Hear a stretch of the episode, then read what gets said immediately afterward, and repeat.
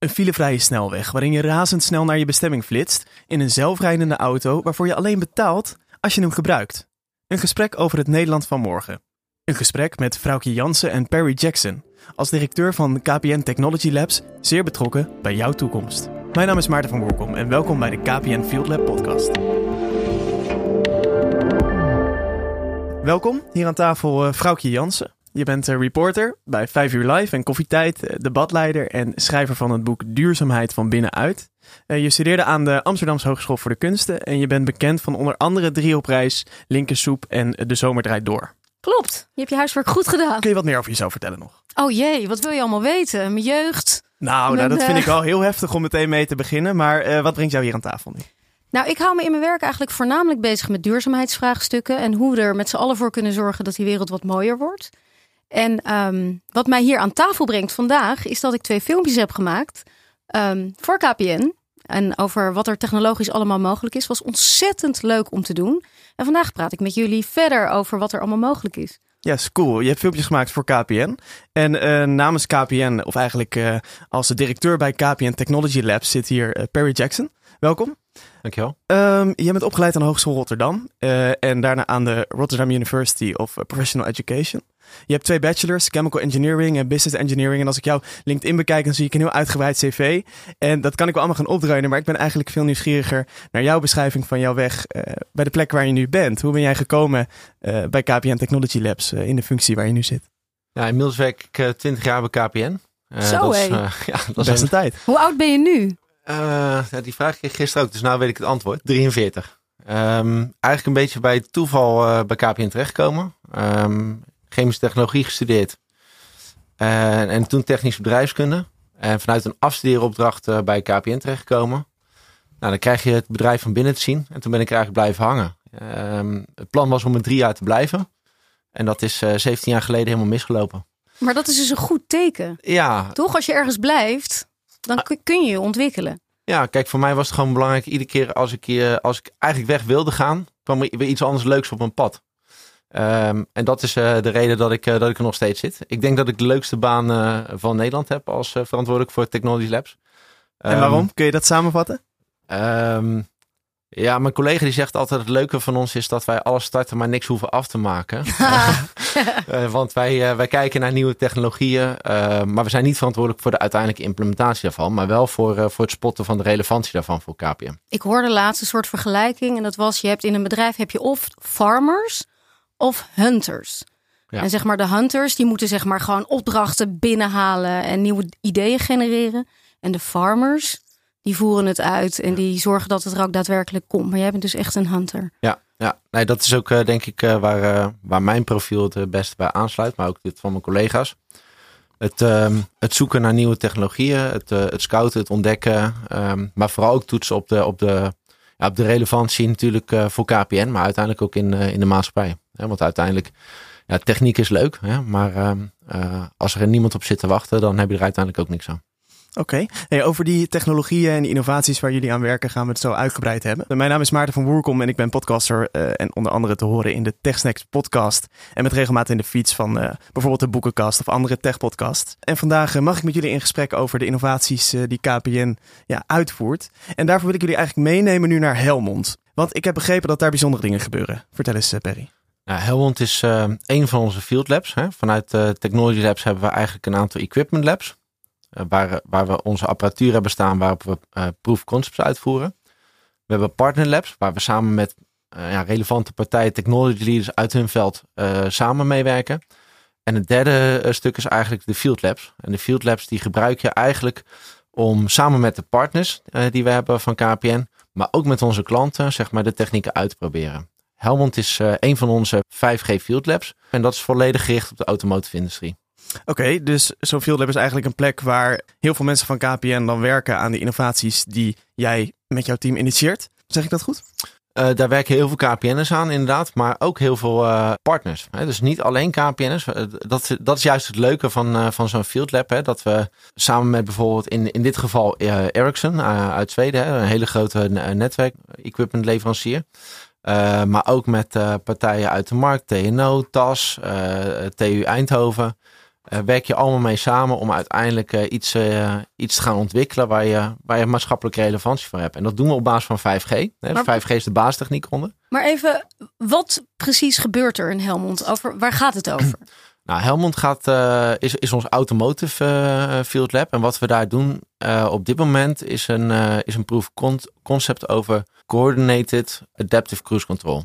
Dus iedereen kent cruise control, dat je auto gewoon op een constante snelheid blijft rijden. Nou, de fase daarachter is adaptive cruise control, dat de auto zich aanpast op de snelheid van de, van de auto daarvoor. En coordinated adaptive cruise control betekent dat eigenlijk alle auto's op diezelfde weg hun snelheid aanpassen, waardoor je de maximale doorstroming haalt. Oké, dus in Helmond hebben jullie een aantal auto's rijden. Zeg ik ja, dat goed? Ja, ja, klopt. Ja. En die rijden dus volledig zelfstandig met elkaar samen. Dat is dus het verschil tussen de verschillende cruise controls die je daar ziet. Op een, eh, ik moet er wel even bij, eh, bij nuanceren dat dat op een testtraject gebeurt, hè, wat van tevoren is vrijgegeven, aangevraagd, et cetera. Dus we zitten wel even binnen, binnen de regels van, eh, van de wet en, en, en, en alles wat daar geldt. Maar het is inderdaad, er zijn een aantal auto's die zeg maar gewoon met het verkeer meerijden op dat testtraject. En die worden daar dus ook gemonitord, ja. Oké, en eh, welke rol spelen jullie daarin? Want je noemde al even 5G. Ehm, ik zoek nog even naar een link tussen eh, 5G, wat ik eigenlijk voornamelijk ken vanaf het scherm van mijn telefoon, maar dan met een 4 erin. En eh, auto's die met elkaar samen zelfstandig rijden. Ja, 5G is natuurlijk eh, de voorloper van 6G, zoals je begrijpt. En, Nou ja, kijk, ehm, het, het grappige is, iedereen, eh, 5G wordt heel erg gehyped. En eh, het risico daarvan is dat je, dat je hetzelfde gaat krijgen als eh, 3G. Dat onwijs wordt gehyped en uiteindelijk eigenlijk niemand snapt wat je er echt mee kunt. Dus laat ik misschien even beginnen met, ja, weet je wat is nou het verschil tussen eh, 4G en 5G? Het bestaat eigenlijk uit drie belangrijke elementen. Als je kijkt naar de standaardisatie van, eh, van 5G zijn er drie key elements. De eerste is Massive Machine Type Communication. Dus heel veel apparaten die eigenlijk allemaal met elkaar verbonden zijn, zonder dat er een mens ertussen zit.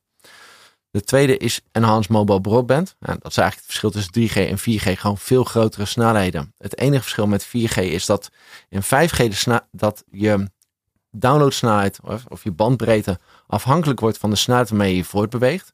Dus je krijgt straks een andere snelheid als jij zeg maar stilstaat, stationair bent, langzaam beweegt, of dat je tot op snelheden van 500 kilometer en- per uur en hoger beweegt. Wat natuurlijk niet helemaal eh, gek is met bijvoorbeeld dingen als een hyperloop.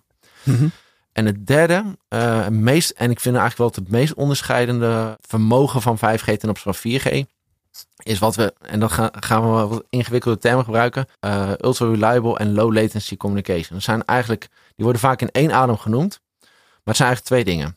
Eerst gaat het over low latency, korte vertragingstijd. En korte vertragingstijd moet je even eh, voorstellen als zeg maar eh expresspost. Hè? Eh, het, bericht wordt heel snel uitgewisseld. En ultra reliable gaat over de zekerheid waarmee het bericht aankomt. En dat kun je dus eigenlijk vergelijken met aangetekende post. Nou, je kunt ze allebei tegelijk gebruiken. Je kunt ze ieder afzonderlijk van elkaar gebruiken. Dus nog even samenvatten. Dus de drie verschillen tu- tussen 4G en 5G zijn ultra reliable en low latency communication. Enhanced mobile broadband, hele hoge snelheden. En massive machine type communication. Dus eigenlijk alles wat een stekker of een batterij heeft, wordt straks gewoon verbonden met het internet. Nou, Oké. helder. Toch? Zeker. Ja. En kun je dat dan vertalen naar die auto's die daar rondrijden?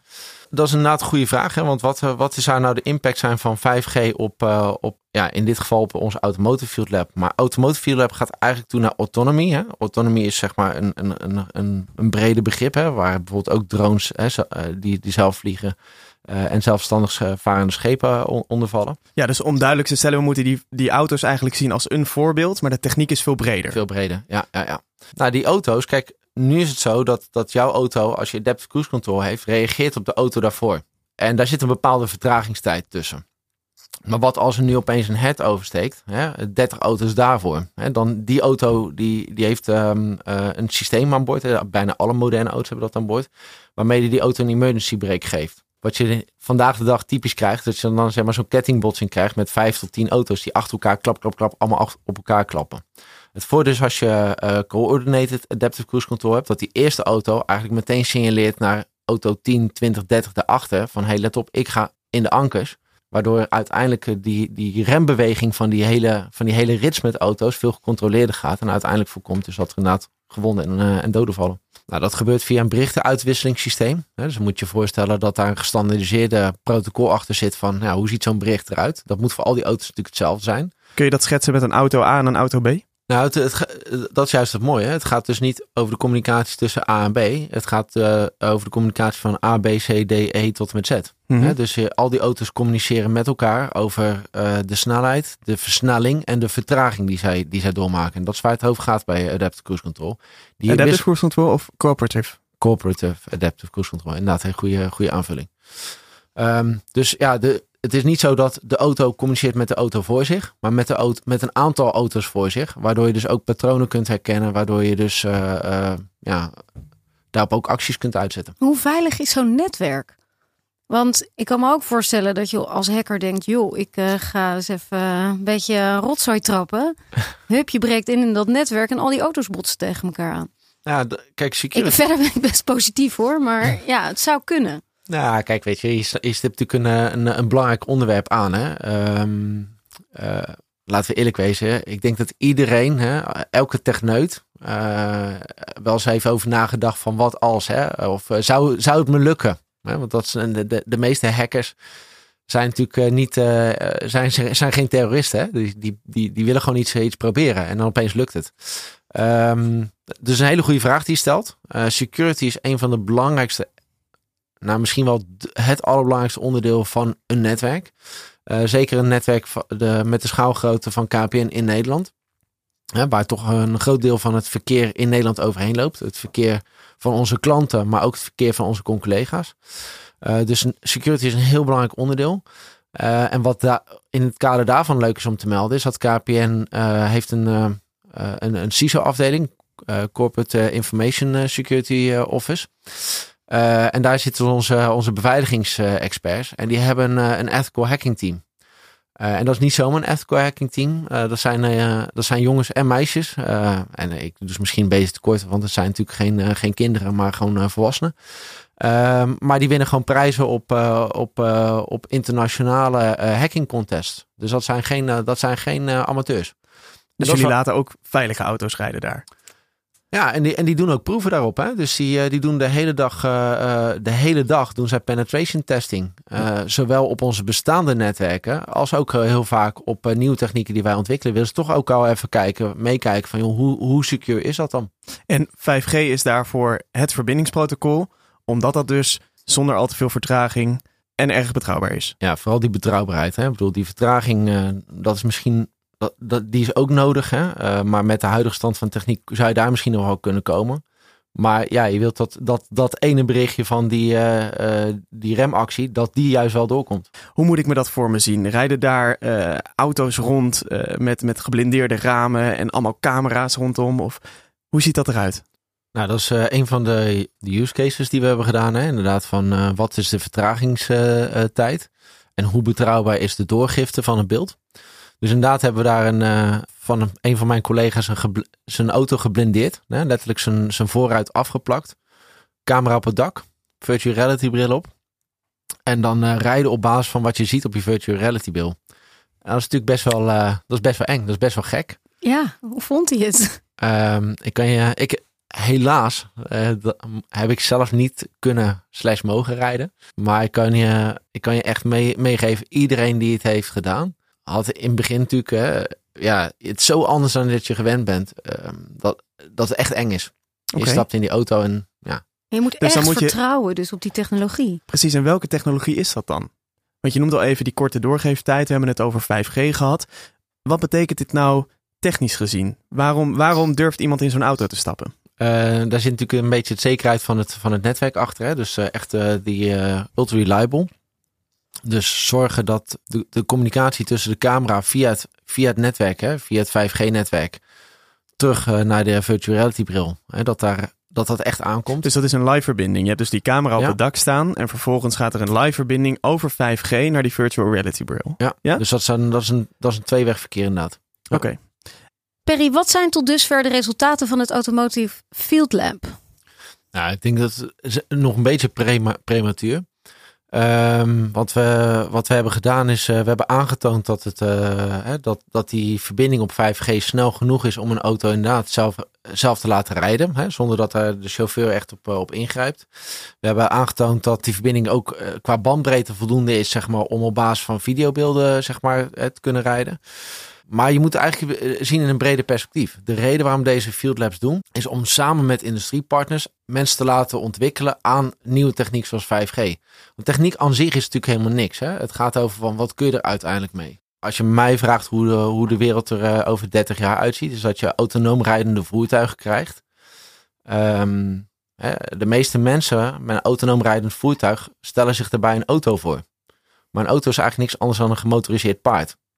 Een, een, een, zelfrijdend voertuig wil helemaal niet zeggen dat jij in de rijrichting van die auto zit. Het kan best zijn dat je met z'n vieren zit te vergaderen in die auto. Of weet je, dat je uh, een, een, video kijkt, een podcast luistert of een, uh, of een, uh, weet je, een, een boek leest hè, op het scherm wat om je heen is. Dus het kan er ook gewoon heel anders uitzien dan een auto. Ja, het zou zo kunnen zijn dat je even naar buiten wil kijken, dat je de camera aanzet. En dat je dan op het scherm aan de, aan de zijkant van de auto opeens eh, de display van buiten krijgt. Nou, dat is, dat is weet je wel, autonoom rijdende voertuigen zien er dus denk ik in de toekomst anders uit.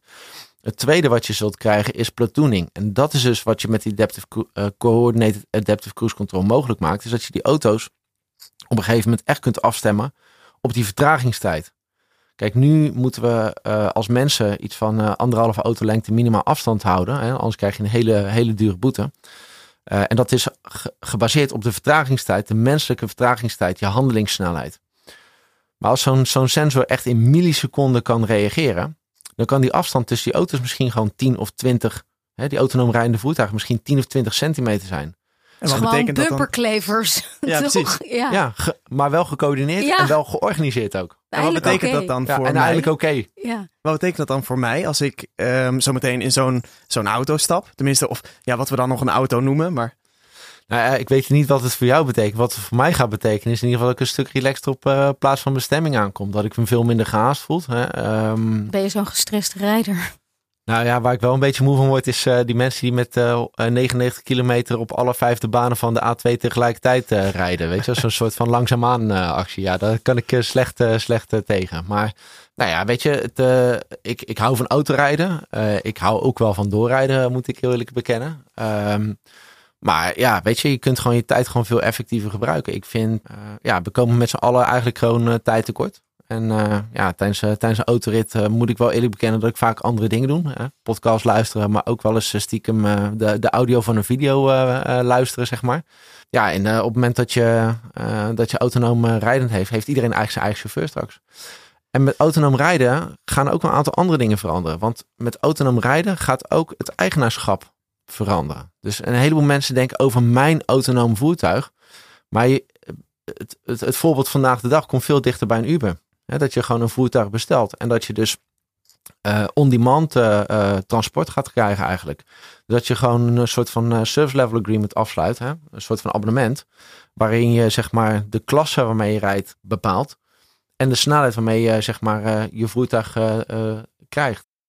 Wat gebeurt er straks als we dit daadwerkelijk die techniek hebben jullie uitontwikkeld en uh, deze auto's gaan daadwerkelijk de snelweg op. Dan, dan wordt het echt leuk. Nee, serieus, ja, ik, en wat ik, wordt er leuk? Kijk, die ogen, die gaan helemaal glimmen. Ja. Dan gaat het gebeuren. Ja, nee, inderdaad, dan, uh, dan gaat het gebeuren. Ja, dan wordt het leuk, want ik, uh, kijk, in Amerika heb je natuurlijk al aparte um, lanes, rijstroken voor carpoolers.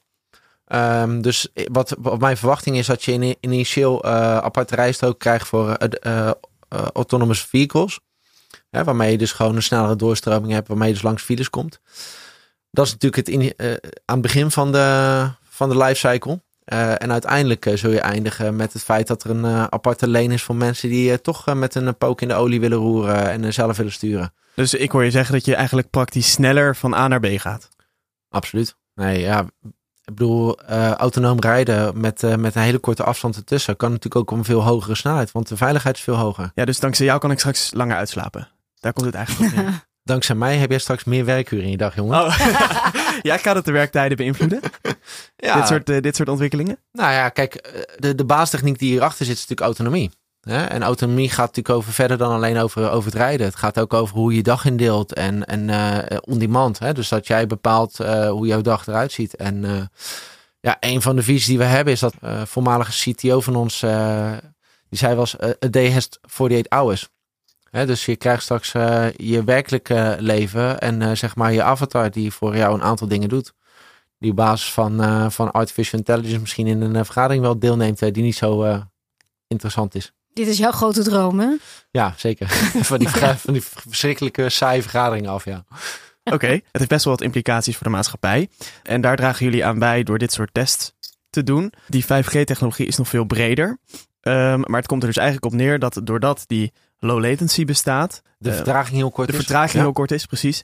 Uh, dat het een erg betrouwbare verbinding is. Kun je dus steeds vitalere onderdelen van ons maatschappelijk leven, wat best wel op verbindingen berust, kun je dus toevertrouwen aan dit soort systemen. Klopt dat? High level wel, hè? maar je haalt twee dingen door elkaar. De, e de ene is uh, ultra reliable, dus heel betrouwbaar. En de andere is low latency, hele korte vertraging. En als je die twee met elkaar combineert, heb je natuurlijk hele korte vertraging die heel betrouwbaar is. Ja, precies.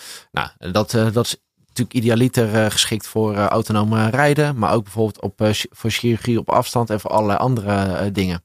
Als je gaat kijken naar de maatschappelijke relevantie van autonoom rijden, is die natuurlijk veel groter. Op het, we hebben geloof ik iets van 7 miljoen auto's in Nederland. Op het piekmoment tussen 7 en 8 ochtends rijden er 800.000 auto's tegelijkertijd op de weg van die 7 miljoen. En die veroorzaken met z'n allen dan 512 kilometer file. Dat is natuurlijk gewoon heel erg raar asfalt zat. Iedereen rijdt op drie banen tegelijkertijd met uh, verschillende snelheden.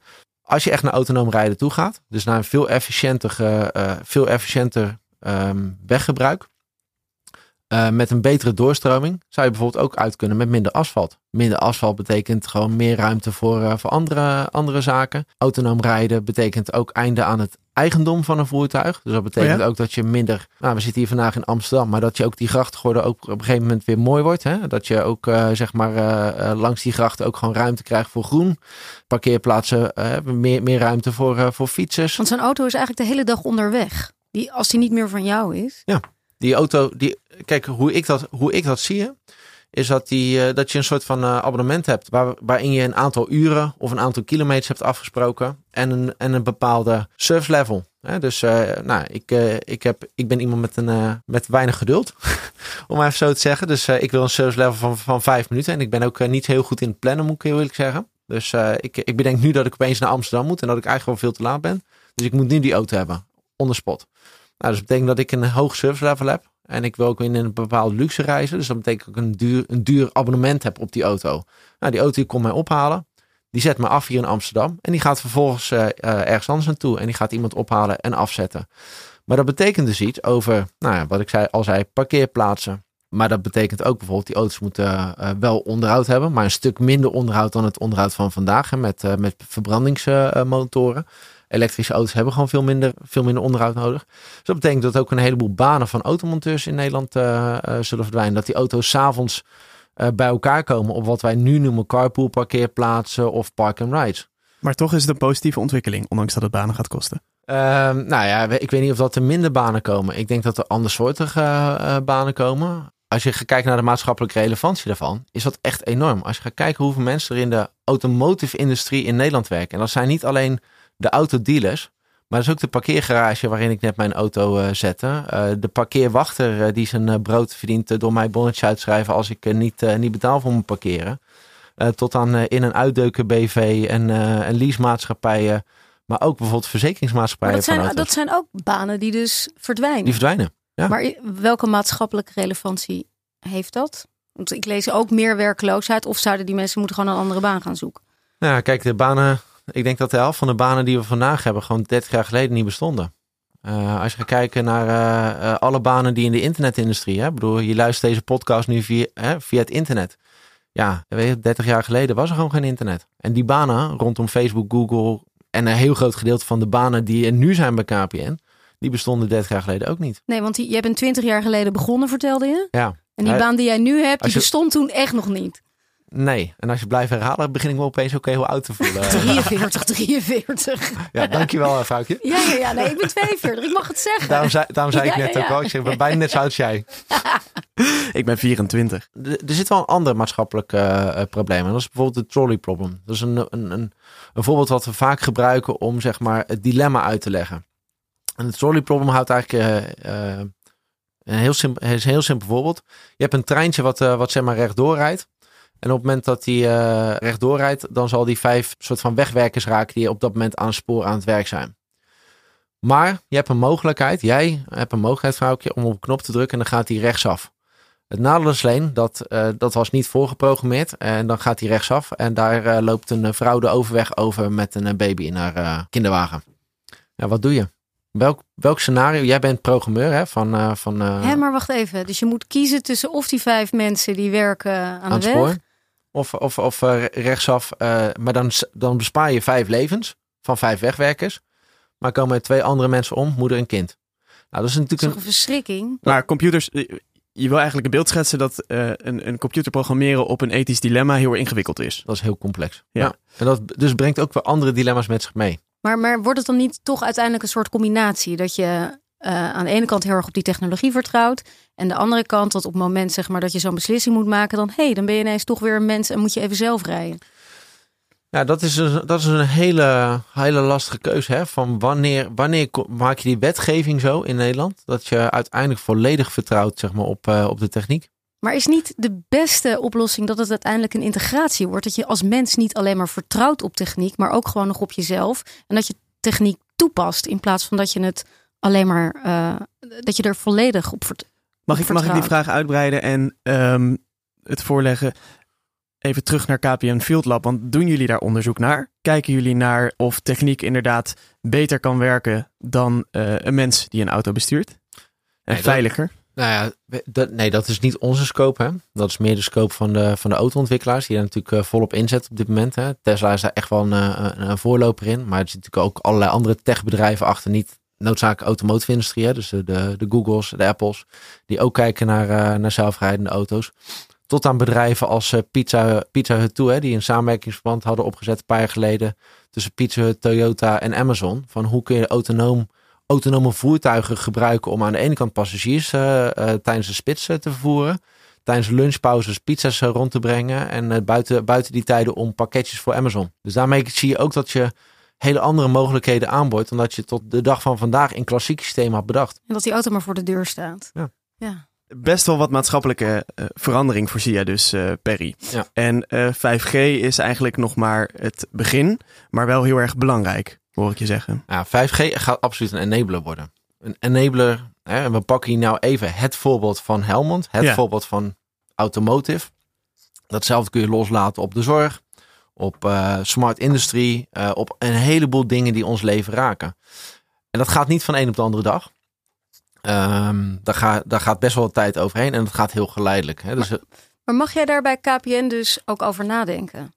Zijn dit de vraagstukken waar jullie dagelijks mee bezig zijn? Van goh, hoe zou dat eruit kunnen gaan zien? Ja, dat is natuurlijk hele, een hele belangrijke vraag voor KPN. Kijk, KPN is natuurlijk een heel groot bedrijf, een kapitaalintensief bedrijf. Hè? Ehm, om zo'n 5G-netwerk uit te rollen, daar kun je je iets voor voorstellen. Als je, weet ik wat, 5000 mast hebt in Nederland, met op elke mast eh, tenminste drie antennes. Dan heb je dus over 15.000 antennes en 15.000 glasvezelkabels die allemaal de grond in moeten naar een centrale toe. Nou, weet je, ik zal je de techniek eh, erachterin moeten besparen. Maar je kunt je voorstellen dat daar gewoon echt, ja, we, investeren ongeveer een miljard euro per jaar in ons netwerk. Dus dan is het wel heel belangrijk dat je zeg maar eh, ja, daar goed, goed over nadenkt. In ieder geval langer dan een, dan een minuut of vijf. Ja, Ja, en en- nou vertelde je eigenlijk eh, voordat we begonnen met deze podcast van ik ben niet per se een techneut, ik ben meer een generalist. Dus jij praat ook veel met andere mensen, met andere vakgebieden en vervolgens komt dat dan bij KPN terecht en jullie maken daar een vertaling voor of jullie werken samen. Ehm, de reden waarom ik zei dat ik niet echt een, eh, een, een techneut ben, is omdat we wat we proberen te doen, is met onze de, de technieken die we onder, onderzoeken, iedere keer te kijken van kunnen we hier een nieuw businessmodel op ontwikkelen? Kunnen we een nieuwe omzet aanboren? En dat is natuurlijk ook heel relevant voor KPN, want onze omzet loopt natuurlijk gewoon al jarenlang terug. Dat is, eh, dat is een publiek geheim. Het tweede is, kunnen wij kosten besparen? Dus kunnen we een nieuwe techniek introduceren, zoals 4G of 5G, en daarmee oude technieken zoals 2G, 3G uitzetten, waarmee je gewoon een stuk kosten bespaart. Ook heel relevant, hè? want elk netwerk wat je in stand houdt, kost ook gewoon energie. Dus niet alleen energie om het te poweren, Ja. maar ook energie om het te koelen. Dus dat is, dat is twee keer. Maar we kunnen ook soms technieken introduceren die eh, gewoon eh, eh, ehm, de dienstbeleving van de klant een heel stuk verbeteren. En een, een goed voorbeeld daarvan is bijvoorbeeld het bellen over wifi. Ja. Waar je eerst gewoon geen dekking had in, indoor via een 2G, 3G of 4G netwerk. kun je nu opeens met dezelfde security de call opzetten via je eigen wifi netwerk. Zonder dat je het überhaupt in de gaten hebt. En dan loop je naar buiten, schakelt hij automatisch naar 2G, 3G, 4G. Nou, ik uh, denk, uh, ik durf te zeggen dat denk ik 99% van de klanten het nooit in de gaten heeft. Maar wel opeens merken dat het mobiele netwerk van KPN heel erg verbeterd is. Wat eigenlijk helemaal niet waar is. Want het is gewoon eigenlijk het wifi-netwerk wat, wat, we in je huis gebruiken. Nou, dat, soort, uh, dat soort dingen zijn we gewoon continu naar op zoek. Dus als je mij vraagt van ja, hoe ziet, jouw, hoe ziet jouw dag eruit? Is aan de ene kant natuurlijk het, het ontdekken van nieuwe technologieën. Nou, dat is natuurlijk geen dagtaak. Hè? Ik bedoel, maar vervolgens gaat het natuurlijk ook over van nou, weet je, hoe zou dat binnen KPN kunnen landen? Dus je gaat ook proberen te valideren. Dus naast het exploreren ga je het ook proberen te valideren. En ga je ook gewoon uh, zoeken naar, uh, naar interne support.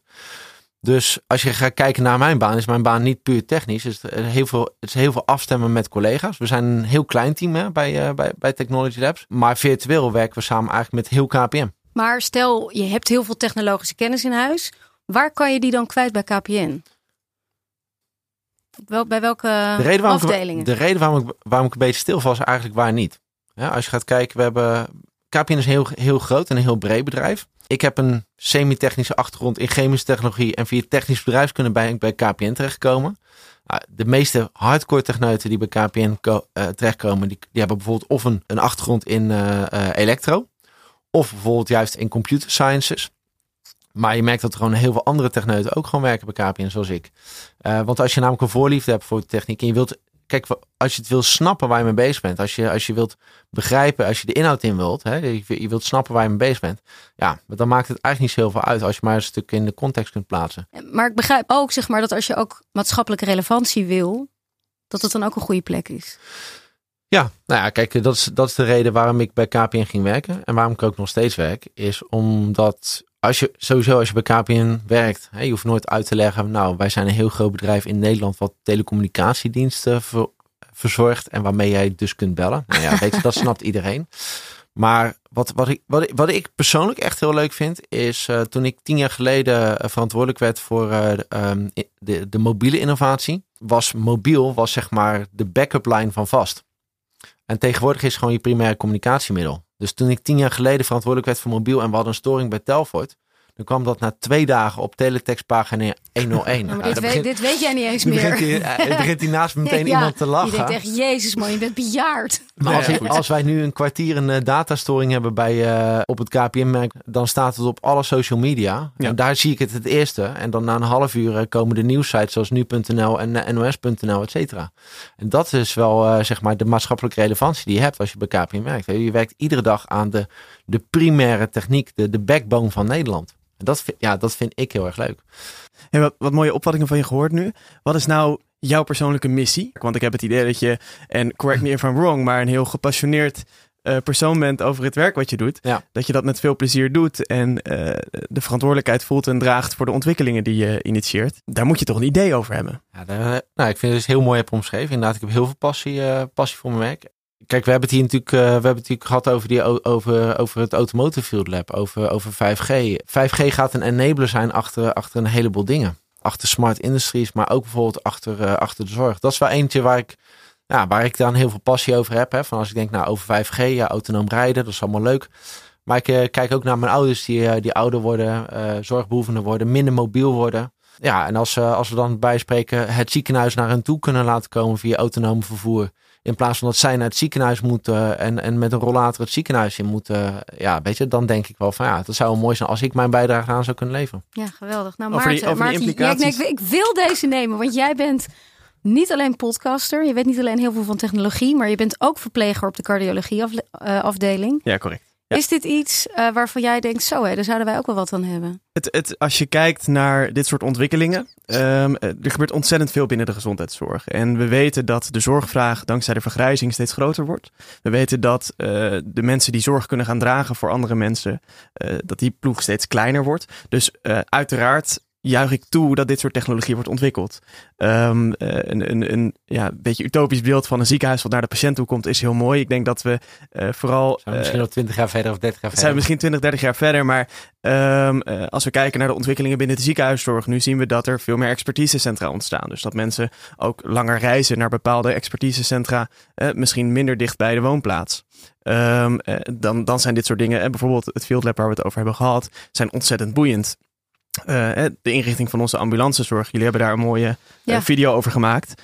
Um, dus ik denk dat het heel veel kan brengen, absoluut. Ja. Maar Maar, ik, zie, ik zie dat je een Apple Watch om hebt, hè? maar door zeg maar wearables en dat soort dingen, dus door die data misschien te anonimiseren en te verzamelen, eh, kun je ook een heleboel eh, abnormale patronen ontdekken, waarmee je gewoon ziektes van de toekomst eigenlijk al kunt ja, weet je wel, Diagnosticeren. Ja. voordat ze eigenlijk een ziekte worden. Dat is ook Ja, het, het, bizar, het, het enige lastige bij dit soort onderwerpen is dat je het over de gezondheid van mensen hebt. Ja. En eh, ik had het net over, eh, jullie werken aan de backbone van Nederland. Ehm, je draagt een enorme verantwoordelijkheid en die draag je binnen de gezondheidszorg ook. En eh, zeker geldt dat bij de implementatie van nieuwe technologie. Eh, dus dat is, dat is de enige kanttekening die ik moet plaatsen, dat je wel altijd kritisch moet blijven kijken. Ik wil je ontzettend bedanken voor dit gesprek en vrouwtje ook.